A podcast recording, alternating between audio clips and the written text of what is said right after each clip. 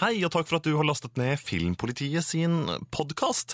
Du skal nå få høre alle innslagene fra sendinga 27. juli. I tillegg så er intervjuet med gutta i Filmjunkiene bytta ut med en utvida utgave, som der ja, du rett og slett får høre litt mer filmnerding på godt og høyt nivå. Husk også at du kan lese alle våre anmeldelser på p3.no skråstrek filmpolitiet. Kos deg! Filmpolitiet på P3. God fredag, folkens. Det er siste fredag i juli allerede, og for en filmuke vi har vært igjennom. Mitt navn er altså Rune Haakonsen, og fram til klokka ett i dag så skal vi holde fokus på skjermunderholdning. Det blir mulighet også til å vinne filmpolitigeneral Birger Vestmos quizbok når klokka nærmer seg tolv. Ellers i den neste timen så skal jeg anmelde The Dark Night Rises, og vi skal se på de ulike reaksjonene eh, fra leserne våre på p3.no filmpolitiet, hvor du selvsagt kan lese alle våre anmeldelser. Du skal også føre dommen over Små hvite løgner, den andre filmen som har premiere på kino denne uka. Og så jo, eh, så er det en liten tur på settet til Kill Buljo 2. Det skal vi nemlig også. Det tror jeg blir ganske så fett. Snart så blir det Batman som står i sentrum her på P3, men først en liten smakebit på musikken jeg har klart til deg den neste timen. P3. Dette er Dette er P3. Sirkus Eliassen på NRK P3 her i Filmpolitiet. Klokka den er passert ti minutter over elleve. God fredags formiddag. Den uka her på onsdag, eller rettere sagt midnatt, natt til onsdag, så begynte The Dark Night Rises på norske kinoer. Og det er den tredje filmen i Christopher Nolans Batman-triologi. Eh, trilogi, unnskyld. Eh, og det er jo slik at forventningene de har jo vært skrudd helt i taket, og her får du min dom over The Dark Night Rises. There's a storm coming. Åtte år er gått siden Bruce Wayne og Batman viste seg offentlig i Gotham. Ansvaret for at byens helt er død, henger over ham, mens sannheten ligger begravet. Nå er det igjen behov for en som kan tenne håpets lys. You should be as afraid of him as I am. Regissør Christopher Nolans The Dark Night Rises er en mørk, spennende og kompleks film, men den holder ikke samme nivå som forgjengeren. Why didn't you just kill me? Your punishment must be more severe. Isolert og alene etter eget valg. Bruce Wayne er blitt en skygge av seg selv i løpet av årene etter Harvey Dents bortgang. Batman tok på seg skylden for dødsfallet for å gi byen en ledestjerne. En helt. At helten egentlig er skurken, og omvendt, er mindre viktig enn skjebnen til de millionene som bor i Gotham. A legend, Mr. Wayne. A legend. Bane, spilt av Tom Hardy, er skurken i den onde enden av spekteret. Med en maske som skjuler det Batman velger å vise, lik en edderkopp som har lagt seg over munn og nese, ser han det politiske apparatet som grunnleggende gjennomkorrupt. Ved Batmans side dukker etter hvert antihelten Selena Kyle opp, også kjent som Catwoman, men det navnet nevnes ikke i filmen. Hennes brokete fortid gjør henne til en usannsynlig samarbeidspartner, men Anne Hathaway spiller henne som en tvetydig figur.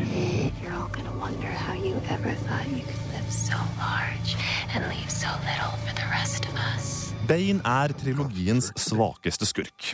En filmskurk skal i kraft av sin ondskap forsterke det som skiller en superhelt fra en vanlig helt.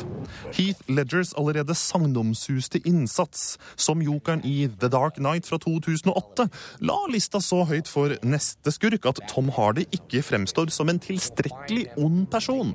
I Baines grep er byens eneste livline en enkelt bro, hvor forsyninger blir sendt inn til befolkningen som holdes som gisler.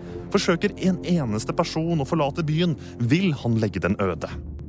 Nolan vier ikke innbyggerne eller deres kamp oppmerksomhet. En tydeligere skildring av tap-tap-situasjonen ville gitt følelsen av at mer er på spill i ferden mot filmens klimaks.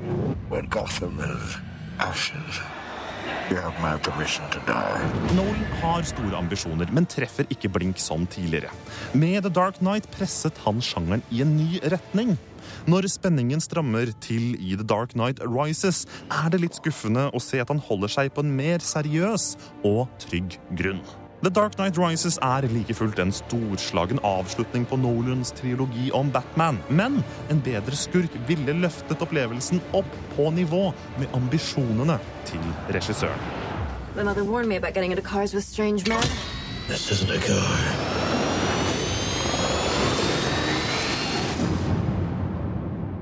The Dark Knight Rises. Jeg var ikke helt overbevist og trillet terningkast fire. Eh, Et terningkast som allerede har skapt eh, mye debatt på våre nettsider p3.no skråstrek filmpolitiet. Du kan gå inn der for å diskutere, men vi skal også diskutere litt mer hva leserne synes om filmen etter Red Hot Chili Peppers. P3.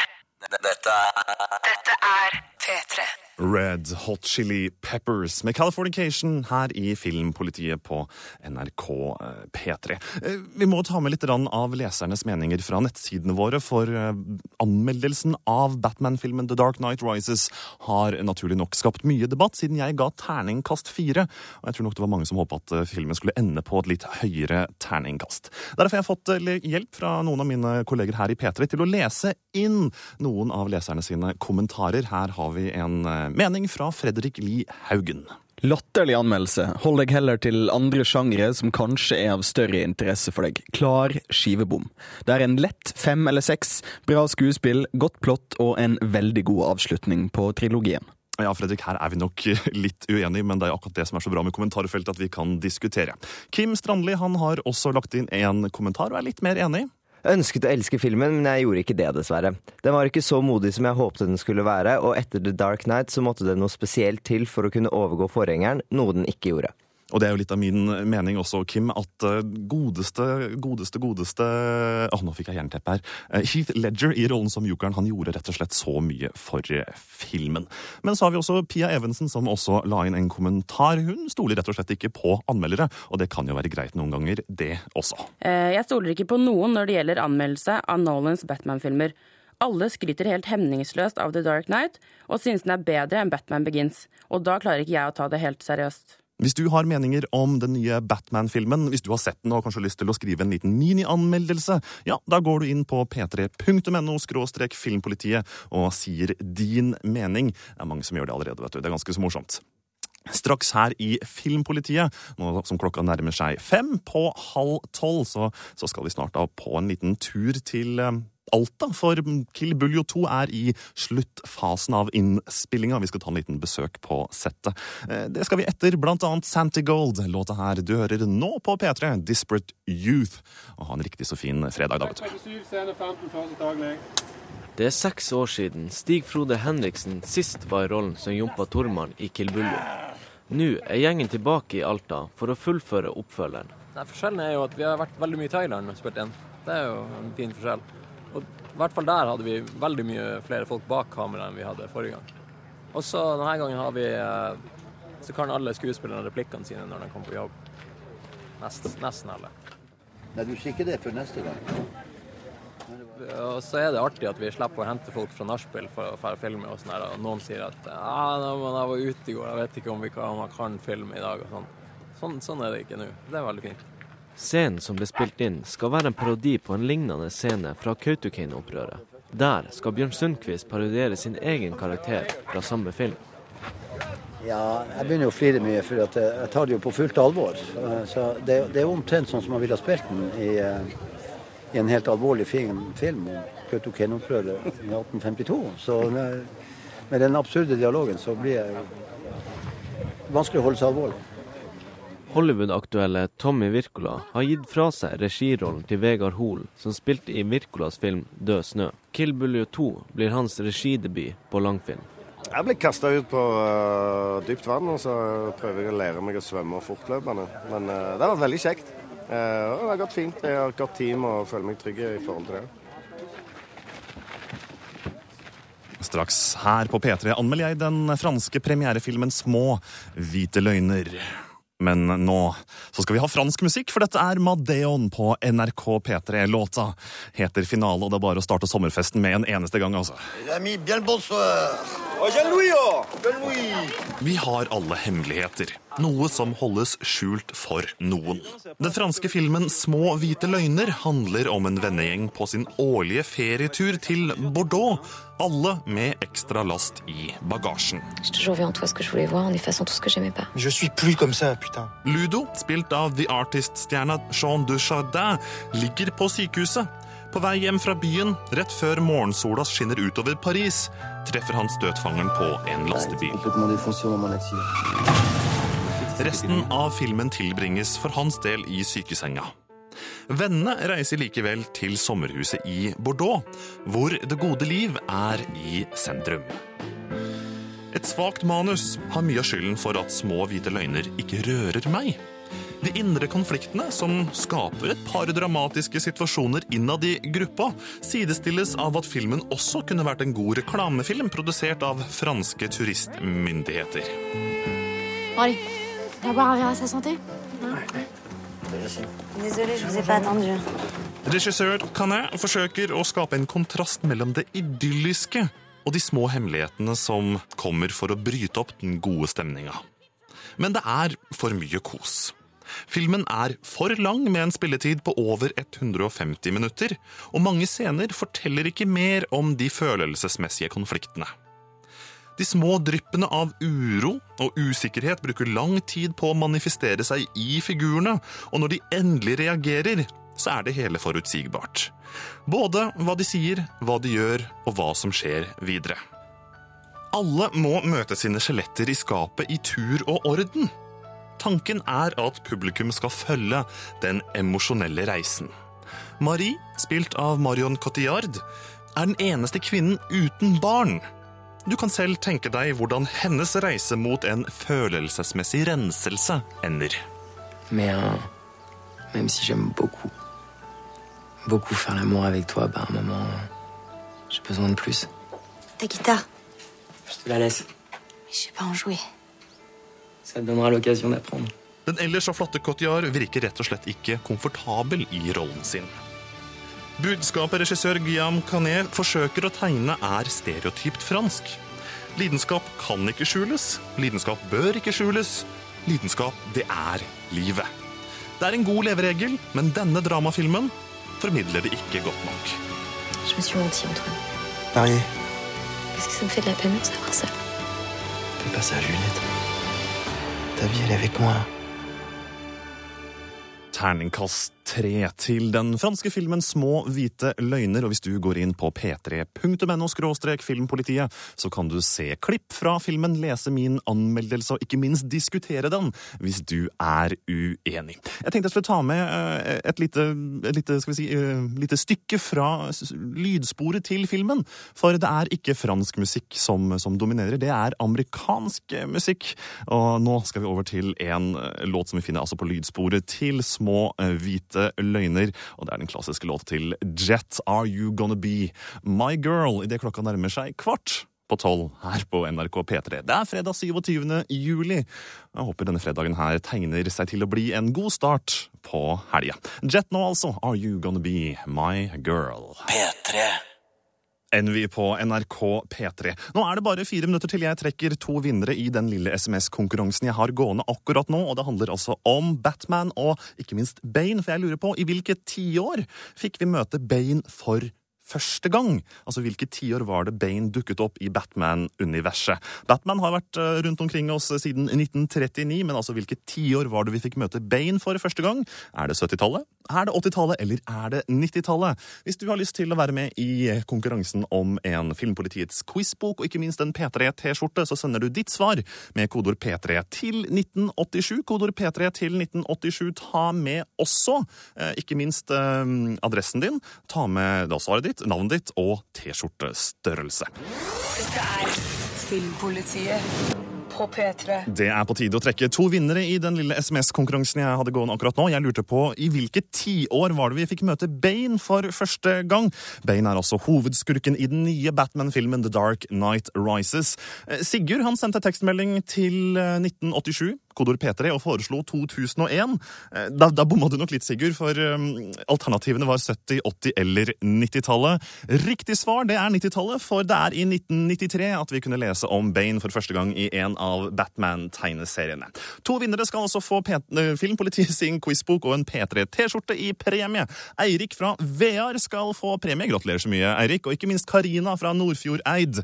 Det kommer en liten overraskelse i posten til dere begge to. Nå har jeg fått besøk i studio av Andreas Opsvik. Hallo, hallo, Andreas. Hei sann, Rune. Du, Det er kommet litt nytt eh, angående eh, Battle Royale, den japanske filmen som altså, jeg vil påstå inspirerte eh, Hunger Games-forfatteren til å skrive sin bok. Altså, Det handler om unge mennesker som må slåss litt mot hverandre for å overleve. Hva er nyheten?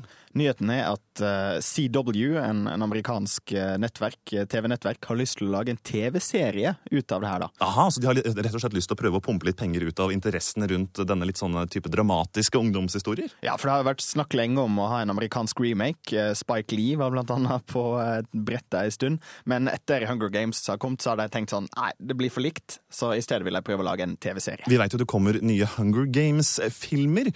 For den første filmen tjente jo såpass med penger at de sikkert har lyst til å lage en hel lang serie. Nå blir det også mulig å se på TV i da Battle Royale-type versjon. Har du trua på det, eller? Ja, først må de jo få eh, full godkjennelse av forfatteren, eh, og så ja, altså, det, det kan fungere, Det men kan om, det, om det blir like voldelig og deprimerende som filmen, nei, det tror jeg ikke. Apropos deprimerende, Andreas, vi skal snart få høre din anmeldelse av Jack and Jill. Og det er jo kanskje den Nå så du litt lei deg ut. Ja, jeg gjør det. Jeg skjønner det godt. du. Du som hører på P3 kan bare glede deg. Snart blir det totalslakt her i Filmpolitiet. Eh, Den neste timen så skal du også få høre om skrekkfilmen Woman in Black. Og ikke minst møte gutta bak nettserien Filmjunkiene. I tillegg skal jeg spille masse, masse, masse digg P3-musikk. Her har du en liten smakebit på det du har i vente. P3. Disaster in the Universe med låta Beach House her i Filmpolitiet på NRK P3, hvor det nå skal handle om Adam Sandler. Han har laga mye tvilsomt nå de siste åra, men jeg tror akkurat nå kan vi konstatere at han har klart å overgå seg selv. I gotta pick Jill up at four in the morning. Adam Sandler er en styrtrik reklamefilmregissør, og en dag kommer søstera hans på besøk. Han hater hun intenst, eh, prøver å få tak i Al Pacino og bedriver ablegøyer, inntil han innser at han egentlig elsker søstera si. Da skjerper han seg og kommer ut av det som et mye bedre menneske. Are you going bald? Huh?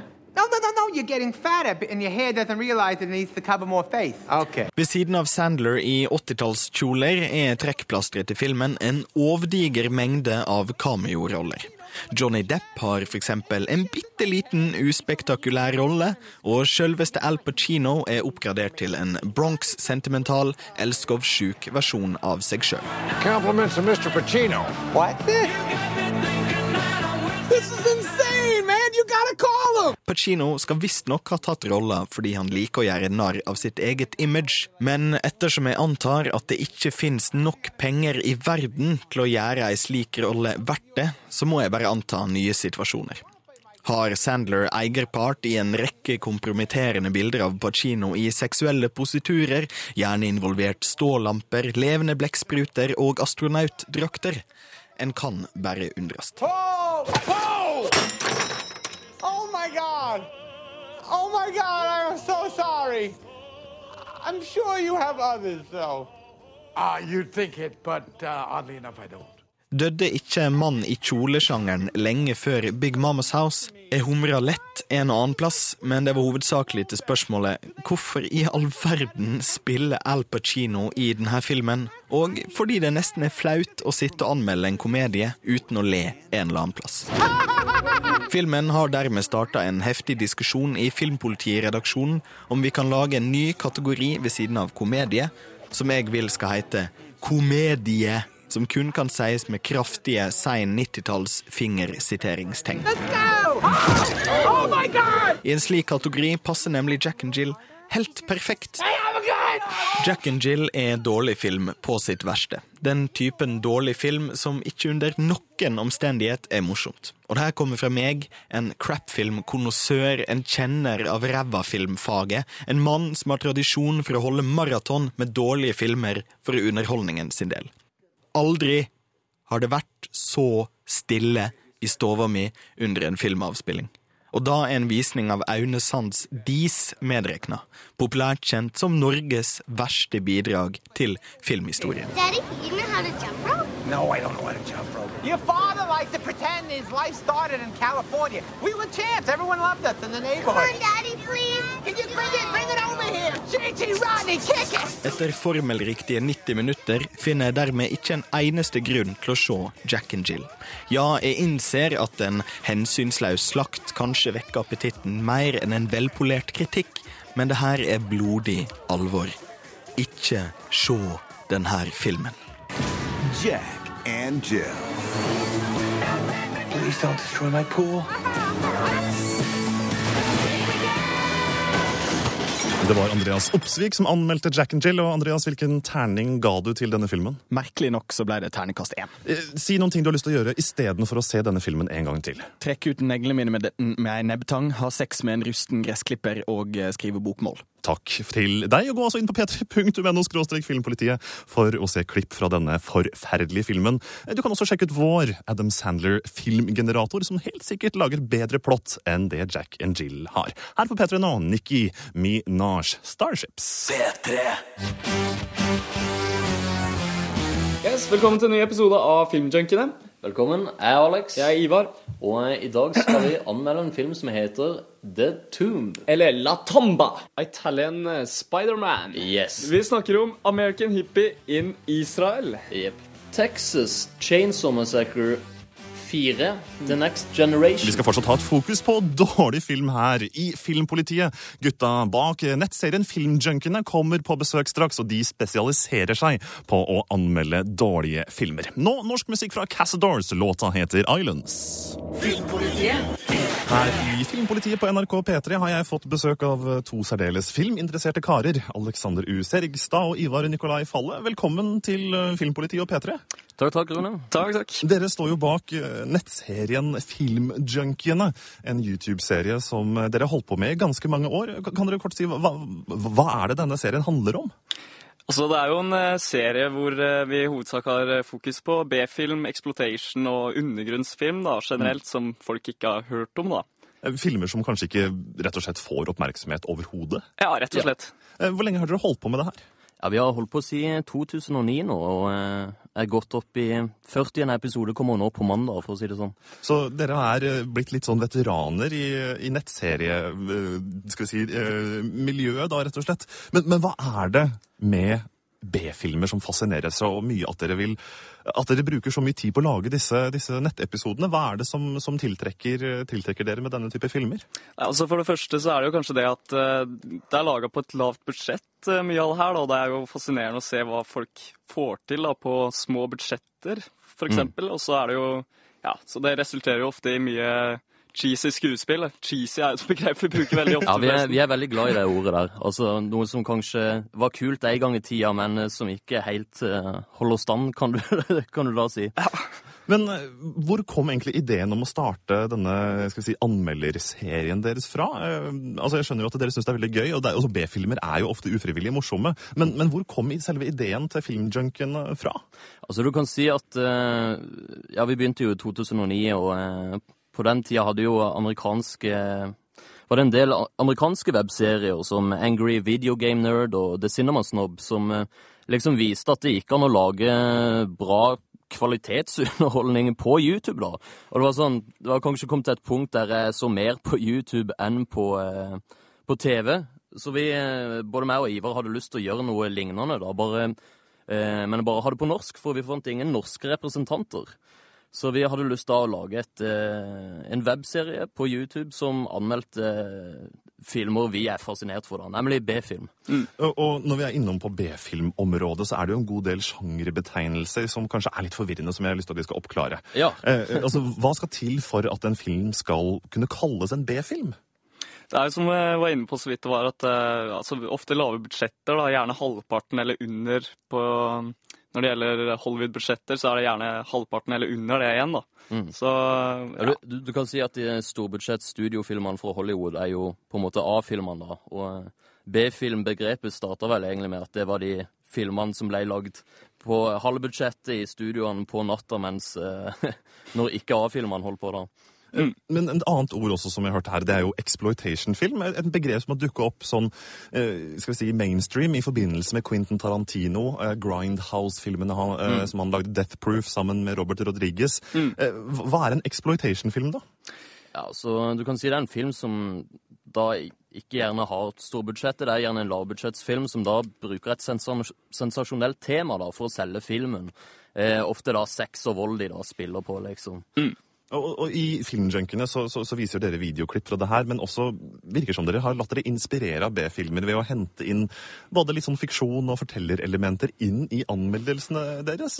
Stemmer det? Ja, altså Det som var greia, er at eh, det blir fort kanskje litt kjedelig. da, tenkte vi at eh, Hvis vi bare sitter i en sofa og snakker til seeren, så vi tenkte kanskje at ja, hvorfor ikke gjøre noe mer rundt det, da. Så i stedet for å hele tida kjøre den standard anmeldelsen hvor vi sitter og snakker til seeren, så tenkte vi kanskje å gjøre det interessant for nye seere ved å på en måte ja, ved på en måte finne på litt funksjon og gjøre det litt mer spennende. Ja, altså gi, gi noe litt mer til seerne enn eh, Sånn at de ikke alltid eh, kan forvente helt hva de får. Av og til kan det være noe helt uforventa som dukker opp i disse episodene. I Filmpolitiet akkurat nå så snakker vi med Alexander U. Serigstad, som sitter i studio i Kristiansand, og Ivar Nikolai Falle, som sitter i Lillehammer. Eh, Dere står altså bak nettserien Filmjunkiene, som er å finne på YouTube, og vi skal snakke litt mer med dere her på P3. Det skjer etter at vi har hørt eh, Duffy, Warwick Avenue. Nå eh, er vi på vei til Ting og Tøy. Det er vi. Og eh, vi har blitt fortalt at de har en eh, kopi av Johnny Rambo Tango 2 på VHS der. Du, eh, Er du ofte på Ting og Tøy og ser på VHS, eller? Bruker å være hormondag, ja. Ja, ja, ja. Fett. Eh, Du samler på VHS, altså? Ja da. Har du mye VHS, eller hvordan er det? Tja, hvor mange har du, da? Godt over 1000. Ok. 2000. Du hørte her et lite klipp fra nettserien Filmjunkiene, episode 39 for å være litt mer spesifikk. Med meg her i Filmpolitiet har jeg Alexander U. Serigstad, som sitter i Kristiansand, og Ivar Nikolai Falle. Du sitter i Lillehammer. Ivar, eh, hva er det med VHS uh, som gjør at dere hadde lyst til å ta opp dette som et eget tema i, i nettserien deres? Det, det handler jo, altså Nettserien handler da altså om, om filmer som kanskje ikke får så mye oppmerksomhet til vanlig. B-filmer, dårlige filmer, ufrivillig morsomme filmer. Eh, hva er det med VHS som fascinerer i det her perspektivet? For det første så er det kanskje det at eh, det er en del film ute på VHS som fortsatt ikke er tilgjengelig på, på DVD. da. Så er det jo nettopp det at uh, grunnen til at de ikke er tilgjengelig på DVD, er vel gjerne, gjerne at det er av litt laber kvalitet. da, og ja, Det er mye forskjellig, da, for å si det sånn. Hva heter den filmen dere er på jakt etter i, i akkurat denne episoden? Den heter så mye som eh, Johnny Rambo Tango 2 og er en indisk Nei, filippinsk, faktisk, for å være helt ærlig. Uh, ja, uh, actionfilm. Jeg, jeg må bare spørre, og Den her finnes faktisk på ordentlig, altså? Du, altså vi, Den første Johnny Rambo Tango finnes, men eh, vi må innrømme at eh, Johnny Rambo Tango 2 er konstruert. Den eksisterer ikke. Det er et viktig, et viktig plottverktøy i nettserien deres, rett og slett. Ja. Men, men hvordan, hvordan lager dere en typisk episode av Filmjunkiene? Hvordan kommer dere med ideen, og hvordan starter dere prosessen, da? Altså, ja, Vi ser jo en del eh, B-film, som sagt. altså Vi finner jo fort først ut hvem, eh, hvilken, eller hvilken film vi skal anmelde, og så tar vi og gjør litt research på den. Og så ja, skriver vi ned stikkord, og så setter vi oss ned og så diskuterer den, og så tar vi rett og slett bare og smeller opp noen arbeidslamper og et kamera, og så begynner å filme. Men skriver dere manus og slikt på forhånd? For at i en annen av episodene der dere anmelder eh, filmen Samurai Cop Og jeg må jo bare si at det navnet Altså, jeg, jeg får jo ekstremt lyst til å se filmen, men jeg har skjønt at den er ikke så veldig god. Eh, altså, Dere blander jo veldig da ofte fiksjon inn i anmeldelsen. Dere snakker noen ganger til filmfigurene. Um, jeg, tror vi må høre et lite klipp fra det her nå. Vi har jo hatt jævlig mye cheesy filmer nå, f.eks. Texas Chainsaw 4 og The Tomb. da. Jeg føler på en måte det hadde vært greit med litt kvalitet. Are you Fuji, Fujiyama? No. I'm Alex. And uh, I'm Ivar, and we're the film junkies. Oh, I got a lot of shit on you. Okay. Who the fuck are you? Og det her var altså samurai-purken sjøl som snakka. Men hvor mye tid bruker dere på å lage en sånn episode? Bruker dere mye tid på forarbeid og manus? Altså... det kommer litt an på hva slags eh, episode det er snakk om. da. Som regel når vi sitter eh, og kjører en vanlig anmeldelse, så er det bare stikkord eh, vi, vi bruker. da. Men Mm. eh, sånn som i de mer eh, ja, fiksjonsbaserte episodene våre, så har vi jo, har vi jo gjerne et skript. da. Ja. Altså Du kan si de episodene der vi sitter i sofaen, er som regel ja, som sagt uskripta, basert på stikkord, for å få mer den der eh, naturlige praten, som om den prater over noen øl i en sofa, liksom. Men eh, som sagt, ja, de fiksjonsbitene altså du, du kan si den episoden vi kommer ut med på mandag nå, eh, har vi jo brukt eh, Ja, Den har vi brukt eh, lang, eh, lang, lang tid på, og ja, vi har jo brukt Det er vel kanskje den vi har brukt mest tid på, så den blir litt spesiell, da. Har du lyst til å avsløre litt av hva den handler om, eller ja. det, skal det være hemmelig? Ja, altså Vi kan si så mye, ja, vi kan avsløre det her på lufta. Altså, det blir en topp ti eh, postapokalyptiske filmer. Og eh, Akkurat kanskje... Som i spagetti-western-episoden vår. Hvis noen har sett den, så eh, drar vi på location, da. Mm. Wow, kult! Så det er kanskje den eh, episoden vi har til nå som har høyest produksjonsverdi. produksjonsverdi. Dere har jo sett mange filmer opp gjennom årene, og, og, og siden dere, dere nå da er så bevandret innen B-film, film som eh, kanskje ikke sees alltid for kvalitetens skyld, så jeg har jo lyst til å spørre hva er på en måte den beste filmen eller filmopplevelsen dere har hatt? Aleksander, Alexander, hvis du begynner? Eh, det er kanskje vanskelig å velge én, altså, men eh, en som har hatt mye å si for min filminteresse, er nok eh, eh, Jurassic Park av Steven Spielberg, som jeg så fire ganger på kino når han kom. Og eh, ja, det kan du si, det er jo en slags storbudsjetts eh, B-film, egentlig, i ånden, da, kan du si. Og, eh, men ellers, altså, filmer som eh, mange jeg har hatt veldig mange store filmopplevelser da på eh, VHS, som Dawn of the Dead av George Romero og Texas Chains som Massacre av Tobe Hooper. Det er blant de store favorittene. da. Mm, Hva med deg, Ivar? Ja, altså Jeg syns det er veldig vanskelig, da, fordi jeg har hatt veldig mange gode filmopplevelser. Så, men uh, tja Uh, hvis, jeg, hvis, jeg, hvis jeg sier Evil Dead, da, den er jo en eh, klassiker i mine øyne. Og ja, har jo inspirert meg på mange måter og sånne ting. da. Så det ja. jeg vet ikke om jeg skal si for mye mer om det, men uh... Du, Jeg må bare ha en liten digresjon og anbefale deg å lese eh, biografien til Bruce Campbell, da. Eh, oh. Ja, ja, ja. Den er, den, det er så morsomt å lese det- om hele den prosessen fra hvordan de begynte å lage, han begynte å lage film, og de kom inn i den pros eh, prosjektet der og sånne ting. Mm, Det er mm. kjempeartig, altså. Han er vanvittig underholdende karakter, eller person, da. Eh, Audiokommentaren hans på eh, første Evil Dead eh, Ja, den er jo fantastisk. forresten utrolig underholdende. Den har jeg ikke fått med meg. Så den, Nei, den den, ut. Må jeg sjekke ut, ja. Eh, nå begynner vi å nærme oss slutten av på en måte, det jeg lurer på. Um, og altså, nå har dere holdt på med det her i tre år. Hvordan har responsen vært underveis? Har dere, har, har dere følt at dere har nådd ut? Ja, så du kan si Vi har jo fått en liten sånn der eh, fanbase av faste seere som driver og kommenterer og er veldig entusiastiske rundt det vi lager. Mm. Men altså, du kan si den mest celebre responsen vi har fått, har jo faktisk vært fra den amerikanske filmklipperen Bob Murowski, som eh, har klippa store filmer som Spider-Man og eh, vant Oscar for Hurt Locker, blant annet. Mm. Og eh, han så jo en av våre episoder, An American Hippie in Israel. Og eh, greia med den er jo at han eh, driver et eh, DVD-selskap, Grindhouse, Release, ja. Mm. der som han drev med Sage Stallone, som dessverre døde for et par uker siden nå. Uansett, han, eh, han hadde jo sett eh, episoden vår og eh, kontakta oss og syntes det var kjempekult og ville ha han med på, som easter egg på Blu-ray-utgaven av American Hippie in Israel. Oi, er det sant? Det er så kult! Så det ble jo ja, det, det, Vi hoppa i taket omtrent når vi er i mailen, liksom. Det skjønner jeg godt. Og, og nå på mandag så kommer altså siste episode. Mm. Det handler om postapokalyptiske filmer. Og dere har også i sommer starta et samarbeid med nettstedet Montage, eller montages.no. Ja. Eh, Mm. Betyr det at det ligger flere episoder planlagt og venter som vi kan eh, kose oss med kanskje til neste år, da? eller? Det gjør det absolutt. Nå har vi endelig fått eh, nytt studio i en garasje. Så da, så da Ja, det blir nok garantert flere episoder utover eh, høsten, så det er bare å følge med. Mm. Da sier jeg tusen takk til deg, Alexander U. Serigstad, som sitter i Kristiansand, og til Ivar Nikolai Falle. Du sitter da altså i Lillehammer for at dere kom på besøk her i Filmpolitiet. Og så må jeg kunne selvfølgelig da gi en helhjertet varm anbefaling til alle P3s lyttere som er interessert i litt eh, artig film, om å gå inn på filmjunkiene.net, eller sjekke ut eh, kanalen på YouTube. Da bare googler du etter Filmjunkiene, vet du. Der ligger alle episodene tilgjengelig, og det er mye morsomt for de som er glad i film. Ha det bra, gutter. Yes, ha det godt.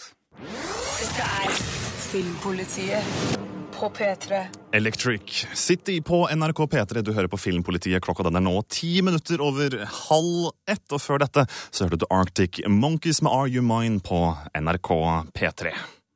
Og nå har jeg fått besøk i studio av Marte Hedenstad, og nå blir det ganske skummel stemning her, altså. You're from London. Trying to sell Eel Marsh House. Yes.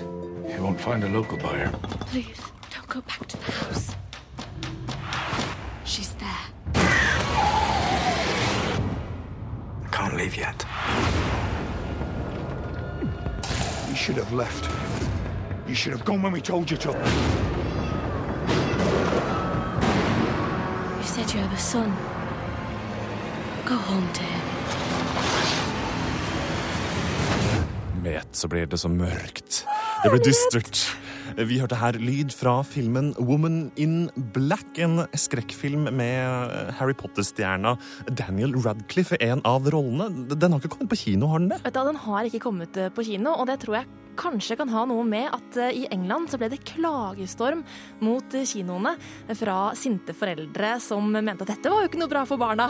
For de tenkte jo at eh, Harry- Potter-stjerna det må jo bety koselig og fint. Men nå er altså Woman in Black ute på DVD og Blu-ray her i Norge. Marte, du har jo sett og anmeldt filmen. Mm. Du, du virker litt sånn skremt. Er den bra, eller? Vet du hva, den er skremmende bra. Jeg ble livredd da jeg så den filmen her, og jeg må innrømme at jeg er jo en pingle, sånn at det er ikke så veldig vanskelig å skremme meg. Men jeg så den sammen med kjæresten min, og han er en ganske hardbarka kar, altså. Men han ble også skikkelig redd og satt eh, sånn stiv som en pinne og knyttet nevene under hele filmen. Du, eh, hva er det den handler om? Altså, jeg skjønner dette her er litt sånn kostymedrama, viktorianske England. Stemmer. Eh, hva, hva er plottet? Vi er i gamle dager, og Daniel Radcliffe han spiller en advokat som har mista kona si. Og så må han reise til en sånn der avsidesliggende landsby, hvor han skal da ordne opp i papirene til en eh, gammel eh, avdød dame. da. Og han skal liksom bo i huset hennes mens han gjør det. Til den avdøde dama. Til den avdøde dama. Lover Og, ikke godt. eh, det, er ikke, det virker sånn at landsbybeboerne er ikke så veldig glad for å se Daniel Radcliffe i den byen. Og så begynner det rare ting å skje altså, i det huset. Men hvorfor er det en bra film? Eh, Du likte den jo også veldig godt, selv om den er Ja. skummel. ja, altså, det som er, er at Woman in Black gjør egentlig ingenting nytt. Den følger liksom alle skrekkonvensjonene veldig til punkt og prikke, men den gjør det veldig bra og veldig gjennomført. Um, og det er en stemning her som er så sterk. Uh, som Altså jeg slappet aldri av et eneste sted i filmen. For ofte på skrekkfilm så det, kommer det til en topp, og så kommer det til et øyeblikk hvor du OK, nå kan jeg puste ut. Mm, mm. Det skjer ikke i denne filmen. Så du sitter hele tiden og er er hele anspent, ja. tiden og er anspent, og det, og det er en god skrekkfilm da. Altså. Hvordan klarer Daniel Radcliffe seg i en litt sånn mer voksen skrekkrolle som det her, da? Altså, jeg hadde litt problemer med han i starten av filmen, men det tror jeg var litt min egen skyld, fordi jeg så han fortsatt som Harry Potter. Eh, men etter hvert eh, så, så syns jeg at han, gjør det veld, at han gjorde det veldig bra, og jeg klarte å tro på han eh, i rollen som voksen mann med barn og hele pakka. Du, Hvilken karakter endte du på til slutt, da? Vi endte på terningkast fem. Det er en terningkast fem til Mm. The Woman in Black. eh, En av filmene som altså ikke kom på kino i Norge, men som nå er ute på DVD og Blu-ray. Og det blir vel en liten anbefaling der, Marte? Det gjør det absolutt. Og det er også mulig å gå inn på p3.no skråstrek filmpolitiet for å lese Marte sin anmeldelse der. Og hvis du som hører på har sett filmen, så vil vi selvsagt gjerne at du deler din mening. Filmpolitiet. Avicii med låta 'Levels' her i Filmpolitiet på NRK P3, som nå er i ferd med å si takk for i dag. Jeg heter Rune Håkonsen og tar med noen filmnyheter sånn helt på tampen.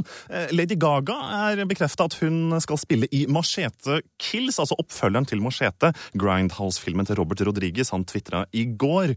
eh, Just finished working with Lady Gaga on Machete Kills. She kicked so much ass. Holy smokes, blown away. Jeg må si, jeg er ganske spent og gleder meg litt til hva hun har å by by på, jeg også. I tillegg så er det slik at Independence Day-film nummer to eh, kan være på vei, altså. Ja, ja, det er helt sant. Produsenten Dean Devlin eh, sier i et intervju at eh, han håper det blir en oppfølger. Eh, Jeg kan ikke si at det kommer til å skje, men for første gang kan jeg si på elleve år, vel å merke, at han og Roland Emrik jobber sammen. Det er mange biter i puslespillet som nå altså er på vei til å ja, rett og slett komme i boks. Med det så sier jeg Rune Håkonsen tusen takk for meg, og ikke minst ha en utrolig trivelig fin helg videre.